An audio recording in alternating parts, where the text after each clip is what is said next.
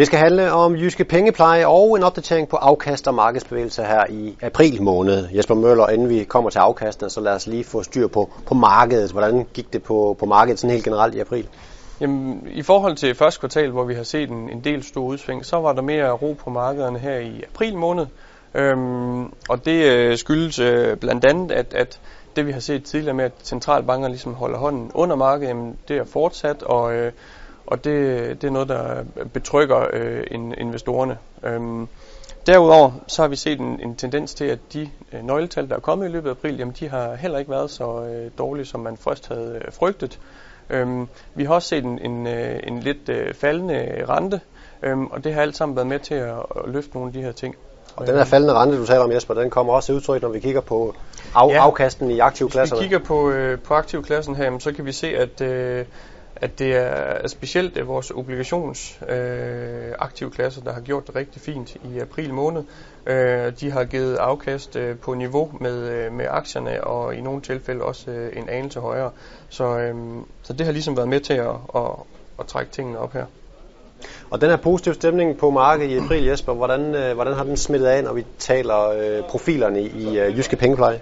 Jamen kigger vi på vores profiler, så øh, kan vi se, at, øh, at, at dem med mange obligationer, jamen der har vi fået et afkast på mellem øh, 0,1 og op mod en halv procent øh, her i april måned.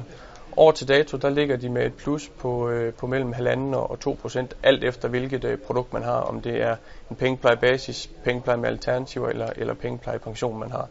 Øhm, er vi over i den anden ende med, med de profiler med mange aktier, jamen, så ligger afkastet mellem øh, 0,4 øh, i negativ favør og op til, til plus 0,3, også alt efter hvilket produkt man har. År til dato ligger vi øh, med et, et negativt afkast øh, i omegnen af mellem 4,5 og 5,5 procent. Så vi halter lidt på vores, øh, på vores aktieben. Og, og, og det, den, den primære forklaring på det er, at, at hvis vi kigger på vores jyske investfonde, efter et rigtig, rigtig fint 2015, jamen, så har de haft en svær start på 2016. Øhm, og det er ligesom forklaringen på, at, at vi er lidt bagefter, øh, hvad skal man sige, det, det generelle markedsafkast. Vi har stadigvæk tiltro til, til Jysk Invest. Derudover så kan man sige, at i sådan et marked, som vi har været i nu her siden slutningen af 2015, hvor vi har set store udsving øh, i, i begge retninger, jamen så har vi ekstra fokus på, om de fonde og de papirer, vi har i vores, øh, i vores øh, profiler, om det er de rigtige i forhold til de forventninger, vi også har til fremtiden. Og så lidt status her nu, Jesper. Hvad er, hvis vi lige retter blikket lidt fremad? Hvordan er jeres forventninger til, til Jamen, fremtiden? Den er der ikke lavet så meget om på øh, i forhold til, øh, til sidste måned. Øh, I de kommende 3-6 måneder er vi fortsat øh, fortrystningsfulde og tror på, at man vil se et, et positivt afkast. Som sagt, investorerne de er, øh, har fået lidt mere blod på tanden øh, efter en, en april måned med, med lidt færre udsving. Øh, vi tror stadigvæk på, at, at det, der vil være fokus på, det er øh, centralbankerne, som, som vi tror på vil være understøttende, så øh, er der olieprisen, og der er den økonomiske situation i Kina, og der er de her nøgletal. Øh, vi forventer og tror på, at man godt kunne se en stabilisering i de her, plus øh, at, at det måske kunne være en, en, en lille forbedring at få øje på os.